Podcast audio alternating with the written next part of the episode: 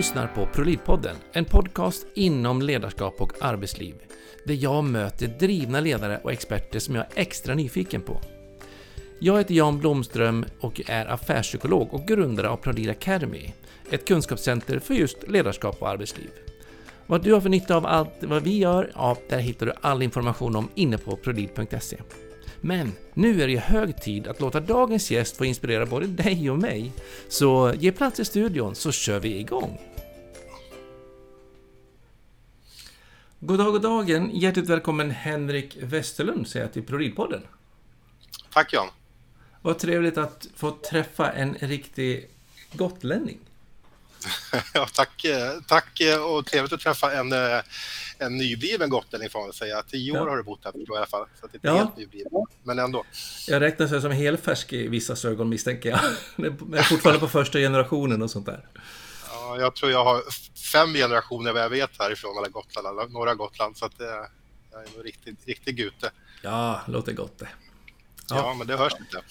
Nej, men du, du lät, var inte så brett. Du måste ha bott på fastlandet en del. Jo, vi flyttade härifrån när jag var nio eh, och sen flyttade jag tillbaka till Gotland för jag var 24 så att eh, dialekten försvann där med i tonåren. Ja, det har en tendens att prägla så mycket tror jag de där åren. Jo, det, vi bytte skola väldigt ofta också. Jag hade en ganska bred gotländska när jag var litet barn och, och det var ganska kul att märk, märka på den, äh, märkte jag, de andra äh, i klassen och kompisarna och sådär. Så att äh, man vill inte riktigt sticka ut så mycket när man är ny i en klass och i en ny grupp och sådär. Så att, ja, den, den mattades av med tiden, helt enkelt. De där tonåren när man ska vara precis mitt i fåran och inte sticka ut åt något håll. Vad tragiskt. Ja. Ja, det är tragiskt. Det. Man, är man lite äldre, då skiter man i det, men i viss känslig ålder så där, då är man lite annorlunda. Ja, men det, det är verkligen så. Ja, och för er som lyssnar då, här sitter vi och pratar got, gotländska, på så det kan inte riktigt ta på mig äran, men, men jag lever ju och bor och utgår ifrån Gotland som, som affärspsykolog. Och Henrik, du är då urgotling och flyttar tillbaka hem. Och vi träffas ju av en speciell anledning idag. Det är att du blev utsedd som årets ledare bland annat. Men, men vad, vad, berätta lite kort, vad, vad, är det du har för bakgrund och vad gör du och vem är du? Eh, jo, som sagt, jag är född och uppvuxen, eller ja, ni, första nio åren här på norra Gotland. Eh, sen flyttade vi till eh, England med familjen i fyra år. Eh, och sen så efter det flyttade vi till eh, Stockholm. Vi har bott där i många år också. Mm. Eh, när jag var 24 så um, bestämde jag mig för att ta över en restaurang här. Jag utbildade mig till uh, kock. Jag hoppade av gymnasiet faktiskt när jag var 16 år och började jobba på en restaurang i Stockholm. Och mm. Sen uh, gick jag restaurangskola efter det och sådär. Um, um, och sen i 24 års ålder så fick jag nys om att det var en restaurang här i centrala Visby som skulle säljas. Så att, uh, då lämnade vi in en, ett förslag på att ta över den och så blev det. Och där var jag sedan i många år. Eh, jag tror närmare bestämt 17 år tror jag jobbade, jag drev det i 16. Okej. Okay.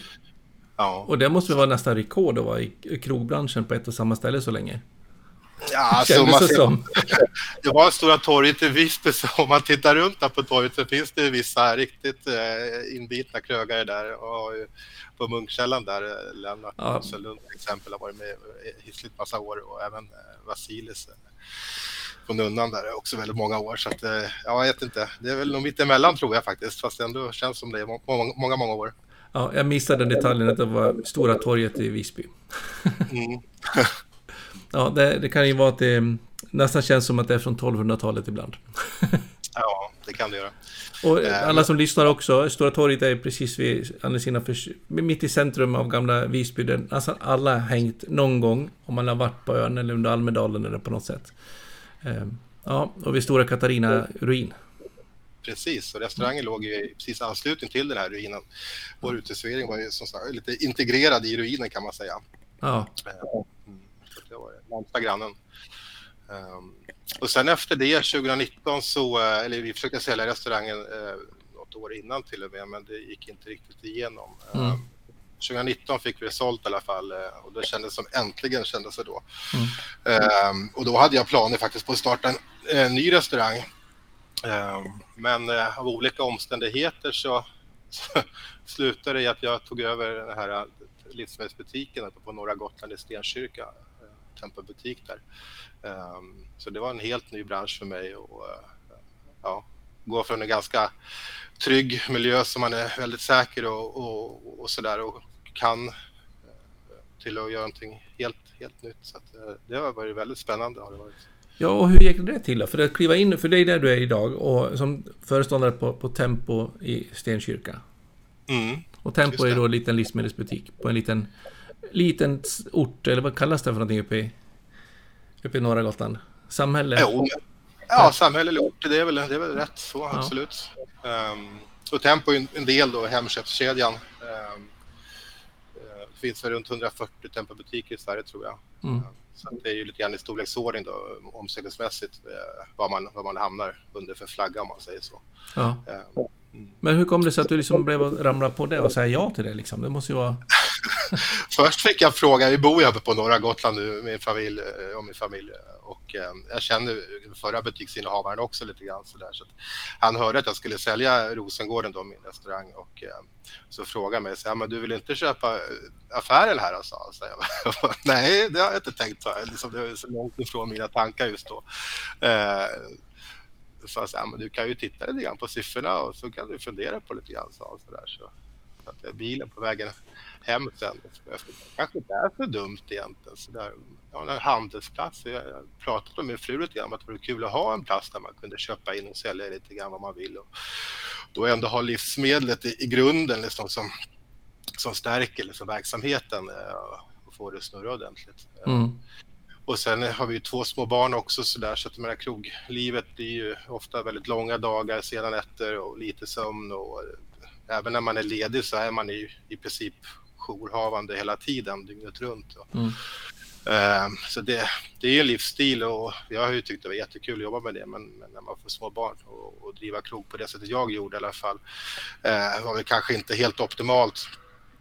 Um, så uh, alltså det blev ju, ju mer jag funderade på det på vägen hem desto mer lite grann så såg jag fördelarna med det.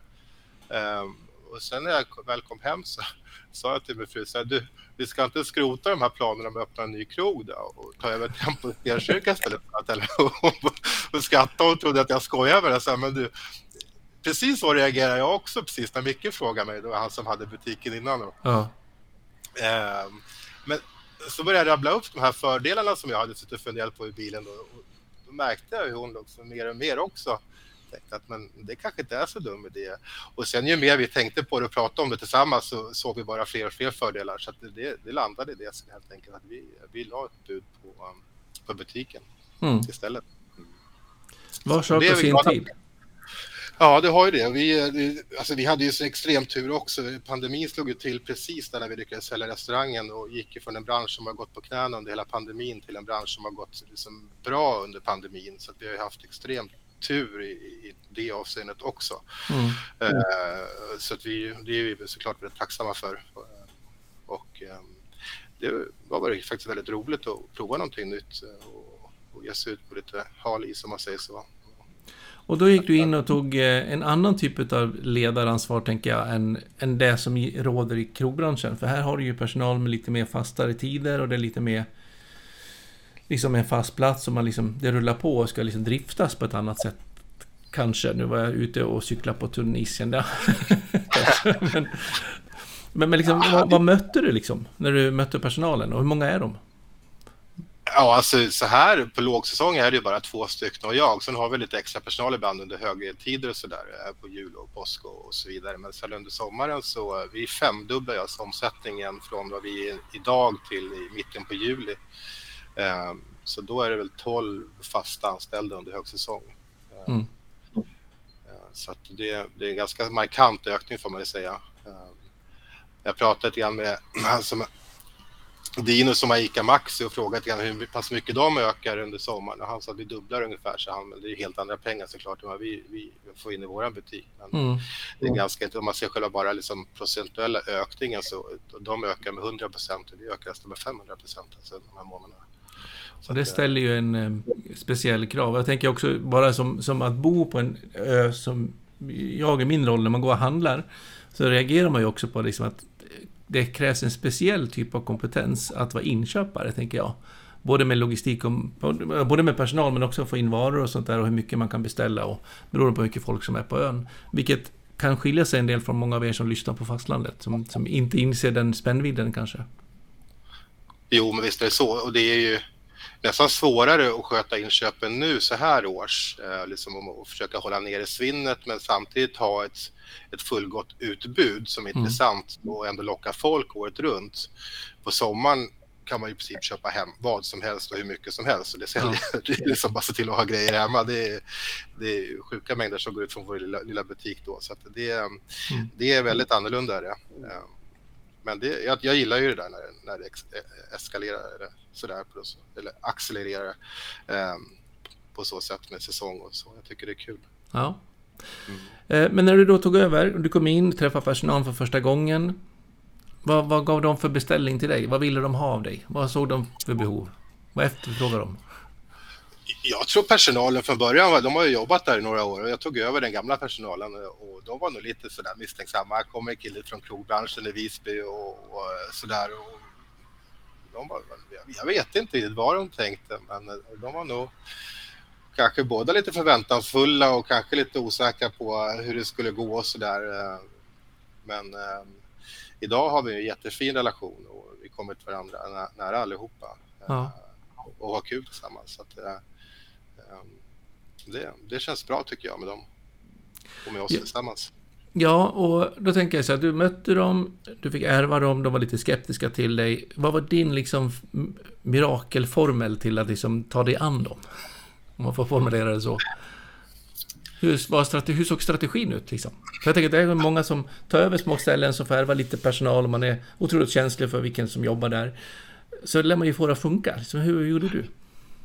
Alltså till att börja med så får jag säga att jag är extremt glad över att jag fick behålla dem för att menar, de har ju jobbat i affären så att de kunde ju, alltså jag är ju extremt ödmjuk mot dem eh, och så att jag menar, det är ju snarare ni som får lära mig hur, hur vi ska göra än, än tvärtom. Jag är er chef men, men ni vet ju och kan det här bättre än vad jag kan så att det var ju, det var ju mycket så att de fick ju liksom visa mer i början. Eh, mm. Sen har jag alltid haft ett väldigt liksom, tydligt mål och idé på hur jag vill att butiken ska vara eh, och snygga till och bredda utbudet och sådär och, och göra det till en intressant butik som sticker ut lite grann på landet.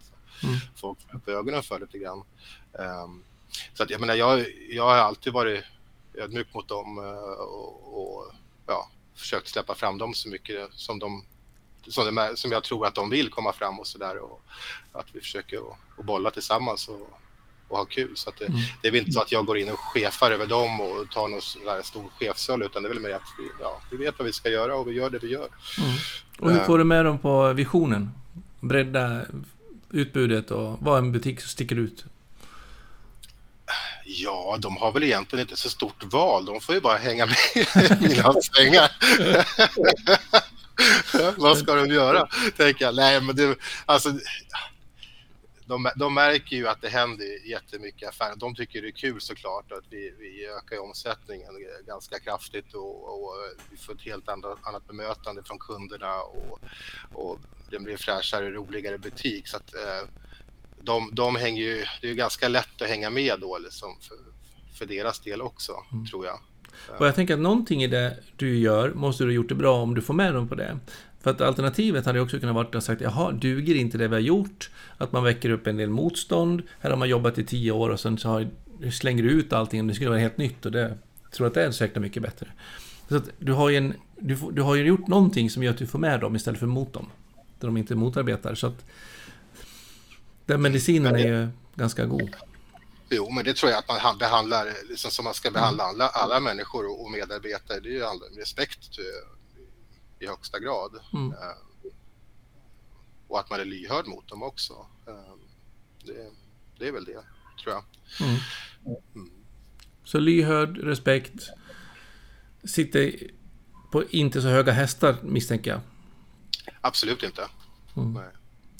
Och det är ju någonting som eh, jag ser också när man konsultar mycket att liksom prestigelösheten och när man liksom kan sitta i samma båt och även om man är ägare så att man liksom inte sitter där och tror att man är något för mer är ju nästan en, en central medicin som, som funkar i hemskt långt. Mm. Um, jo, så är det. Jag, men, jag är ju från början inlärd i att som, som chef så ska man ändå dra det tyngsta, hårdaste lasset. Jag har ju alltid arbetat på golvet och liksom, det är ju också mitt sätt att motivera. Mm. Ett sätt att motivera mina anställda, det är att visa att jag är beredd att, att dra det tyngsta lasset själv och inte någon som bara sitter på kontorsstol och, och på datorn utan um, jag är den som svettas mest och jobbar hårdast och får mest ont i ryggen också oftast. Mm. Eh, och det, jag tror att det blir lättare att hänga på då för, för dem också och se men det här är en kille som verkligen tar i liksom själv och då, då ska inte vi vara sämre. Uh, så det tror jag är jätteviktigt också, att man visar att man är beredd att jobba hårdast själv som chef. Mm. Mm. Så du är med dig i frontlinjen och driver mot den här visionen då? Ja. Förlåt, vad sa du? Ja, du driver liksom mot visionen, du är med och kämpar mot den. För att ja, alltid. gå först i bräschen liksom. Jo, så, och det är så jag alltid har, har arbetat som, som ledare och chef. Eh, mm. Och inom, inom, restaurang också. Stå, stå längst fram. Um, och, och inom Tempo då, så kanske inte det är sånt som alla gör alltid. Eftersom det hände någonting här ganska nyligen. Då när du fick utmärkelsen som årets ledare inom Tempo. Berätta lite om det. Uh, ja, det var ju inte jag som utnämnde mig till det eller nominerade mig. Nej, det kan ju skönt att du inte gjorde det. uh, men vad ska jag säga, alltså, och, och, och, bli utnämnd till det, mitt, mitt egentligen första kompletta år i en helt ny bransch är ju väldigt hedrande såklart och, och man blir stolt och samtidigt ödmjuk och, och, och det blir samtidigt ett bevis på att man eller att jag har hamnat, hamnat rätt i yrkeslivet. Eh, eh, så det, det känns ju såklart jätteskönt eh, att få det beviset så pass tidigt i, i en ny mm. bransch. Det tycker jag. Och ett kvitto på att du har bra medarbetare som har fått dig till att blomma ut, tänker jag, som ledare också. Jo, såklart. Och även kunder. Jag menar, det är inte bara att man är ledare mot, mot sina anställda, man leder ju ändå ett, ett företag och i det här fallet en butik. Då. Mm. Och det handlar ju om relationer med kunder och även med sig själv och, och så där också. Så mm. det, det är ju alla delar av det. När du fick priset från Tempo så har man en motivering. Jag tänkte faktiskt läsa upp den så att lyssnarna också kan få höra den. För då skrev man som motivation en ledare som redan från start såg till att kavla upp ärmarna och satsa på förbättringar som uppskattas av likväl kollegor som kunder. Här har vi en ledare som ständigt vågar utmana och satsa på lite annat sortiment än vad som förväntas. Henrik har genom sitt engagemang och tro på att våga testa nytt gjort att butiken ökade omsättningen med 33% 2021. Ja. Det var egentligen det var precis fint. vad du sa. Ja, eller hur? Grattis! ja, tack så mycket.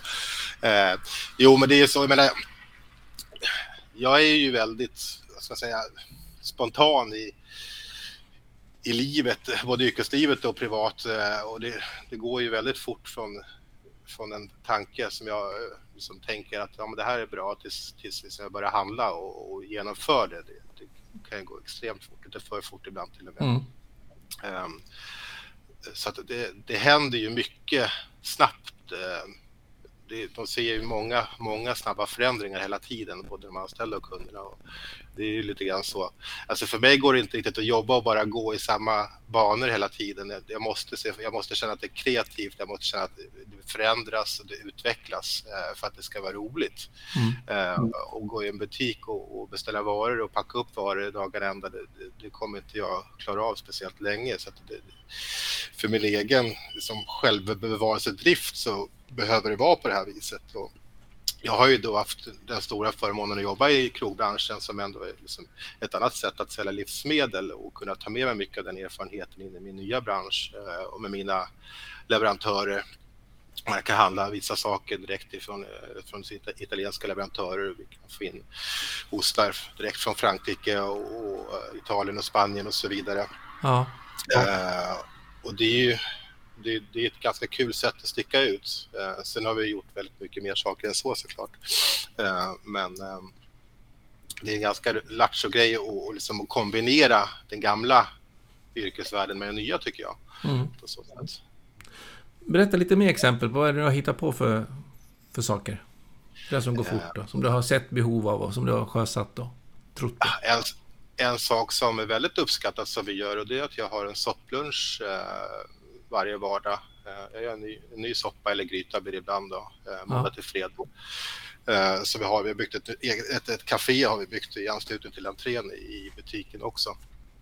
Um, så att, med det här uppe på norra Gotland så här års, eller egentligen det är bara på sommaren, så finns det inte så många matställen. Så att, uh, och det är, för mig är det också ett sätt att, egentligen var det första jag såg ett sätt, det är som att, att ta hand om potentiellt svinn. Uh, men om man exempelvis bara tar en tomat som börjar bli lite för mjuk som egentligen bara är mer smak i men det är egentligen inte så många kunder som vill köpa den här tomaten. De vill ha hårda fina tomater. Mm. Alltså, det är inget fel på den. Då kan jag gå in, ta in den i köket och koka soppa på den exempelvis. Eller om man har köpt hem kanske lite för mycket kött, det var någon kampanj någonstans så att så har jag en back för mycket av den här fläskkotletten. Det kommer jag antingen får jag börja rea ut den eller så gör jag någonting med den. Och då kan jag lika gärna liksom göra ett långkok på den eller, eller vad det blir. Ja. Um, så att för mig var det från början ett sätt att, att egentligen minska svinnet och nu, jag tror, alltså vi, tjänar, vi tjänar ju pengar på, på de här sopporna och grytorna. Vi har ändå ja, 15-20 lunchgäster om dagen så att det, menar, det, är ju, det är ju ingenting vi kan leva på men det är ett, jag tror ändå det är en enskilda om man ska ta en mm. produkt i affären som vi tjänar allra mest på så tror jag ändå att det är vår soppa uh, ja, uh, och, det, och det, folk älskar ju det också. Men jag, jag kan ju laga mat, jag har gjort det i nästan hela mitt liv. Eh, så att folk kan komma ner till affären och köpa antingen de äta där eller så kan de ta med sig hem en, eller till jobbet en, en, en god soppa eller en gryta och, och ha en vällagad lunch. Um, i mitten på januari i Stenkyrka. Det, det är ganska unikt egentligen och det uppskattas av väldigt många. Det, det är kul tycker jag. Ja, det är inte så många ställen man kan göra det på ute på landsbygden på ön. Så är det ju. Nej, så det är lite det är lite win-win. Kunderna är glada, jag har nästan inget svinn alls. Uh, och får in en liten extra slant på det också. Ja. Um, så det är lite en annan grej vi har gjort också. Um, mm. Och det här med att ha butiken som en mötesplats då? För det tänker jag blir som en, en, en del av... Alltså en sak att göra restaurangen för lite behov, alltså ta hand om svinn och så, men, men att också ha det som en mötesplats för de som bor året runt. Eh, kan gå ner och få sin lunch, ta med sig hem om man bor själv. Liksom vad, vad, hur fungerar er tempobutik som, som mötespunkt för, för, på landsbygd? Eh, mycket bra får jag säga och det gjorde det även innan jag tog över. Det ska vara en mötesplats eh, och det märker man ju också i, och inte bara i kaféet eller restaurangen. Eh, vi har ju även byggt en liten, eh, det fanns en liten lekplats utanför en gräsmatta så där har vi också utökat. Så vi har en uteservering och snyggat till lekplatsen också. Eh, så där är ju på sommartider det är full rulle där ute. Och sen kan man även märka bara i själva butiken i gångarna så står ibland stora grupper med folk och står och snackar och, och sådär. Det är ju, de flesta känner ju varandra där. Så att, eh, och det, och ibland, ibland på klockan halv ett så är hela kaféet fullt med lunchgäster och folk snackar och har trevligt. Och det, det ger mig en väldigt fin känsla när man, när man ser det där. Eh, ja, så förstår det ta kort på dem. jag brukar inte göra det, men, men det, det känns jätte, jättebra i, i kroppen att se det. Um, så att, ja, det, det fungerar som en bra mötesplats, gör det. Det uppskattas av många. Mm. Det är, och det är någonting... viktigt på, på landsbygden att, att det finns en sån mötesplats. Det, det, gör ju att det blir en levande landsbygd och det är ju det någonting vi måste verkligen främja när vi bor på landet. Så är det ju. Ja, för det är någonting jag har slagits av sen jag flyttade till, Gotland, att eh, det är verkligen behov av de här mötesplatserna och de används så, och är, fyller en otroligt viktig funktion med många personer som är själva eller som är bara, bara att umgås och hänga och ha livskvalitet liksom. Mm, så att eh, ni gör ett otroligt samhällsviktigt uppdrag, tänker jag. Utöver att ni ökar omsättning och, och liksom får till minskat svinn och så. Mm. Eh, vad är nästa steg då? Vad, finner vi tempo i Stenkyrka om fem år? Eller om, om fem veckor det... kanske jag ska fråga om det är dig. det går fort. ja. Eh, alltså så långt mål har jag väl kanske. Alltså man vet ju aldrig vad som händer. Men den här lekplatsen där ute kanske blir en eh, sommarkrog eh, med alkoholtillstånd eller vi kanske gör en liten vinbar av kaféet och har lite ostprovningar eller alltså det är svårt att säga. Ehm, jag har som sagt inte så långt gångna mål. Ehm, det vi gör, alltså vi, jag försöker ändå på något sätt att det ska vara en väldigt levande butik också, att det hela tiden händer någonting. Så vi har ju tagit hjälp av en väldigt god vän som är duktig på lite sådär, eh, ljud och ljus och, och eh, ja, bygga upp olika miljöer och sådär. Så, vi har gjort ett stort podium precis i början av butiken där vi försöker hålla oss efter olika högtider och årstider och sådär. Så nu när det är påsk då så flyger det påskkärringar i taket och äh, allt möjligt. Då. När det var jul så hade vi tomtens släde ute i den här lek lekparken eller kafé, utedelen där. Äh, med lite så här, en låda för, för barnens önskelistor och, och ja, tomtar och troll och allt möjligt sånt där. Så det, är, det är väldigt kul att kunna hålla på med, med det på så sätt så att folk kan liksom komma in lite grann när som helst och bli lite överraskade. Ehm, så även om mjölken alltid behöver stå i kylen och inte kan vara så kreativt med det så får du kreativitet som utlopp för din kreativitet i de andra delarna av podiet då utanför och så. Jo, eh, delvis. Mm. Mm. Ja, jag hoppas att alla ni som lyssnar, som kommer till Gotland, åk upp till Stenkyrka, ta lite sopplunch, handla lite ost, franska ostar och efterfråga lite vinprovning kanske på sikt. ja, det är faktiskt många som gör.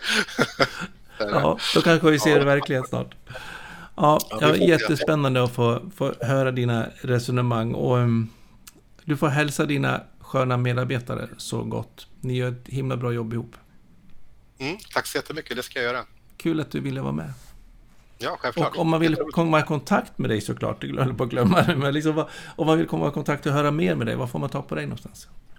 Eh, ja, det enklaste kanske bara gå in på hemsidan stenkyrkaaffären.se så finns alla kontaktuppgifter där det är väl enklast tror jag. Ja. Mm. Man kanske vill bli ännu mer smittad av din kreativitet och driv. Ja, och från Instagram finns också Stenkyrka-affären. Eh, kan ja. man söka på Instagram så finns det min fru som tar hand om den och jag lägger upp väldigt fina bilder och sådär och skriver lite roliga saker om våra produkter. Härligt. Så allihopa, in, följ och gilla och skriv kommentarer.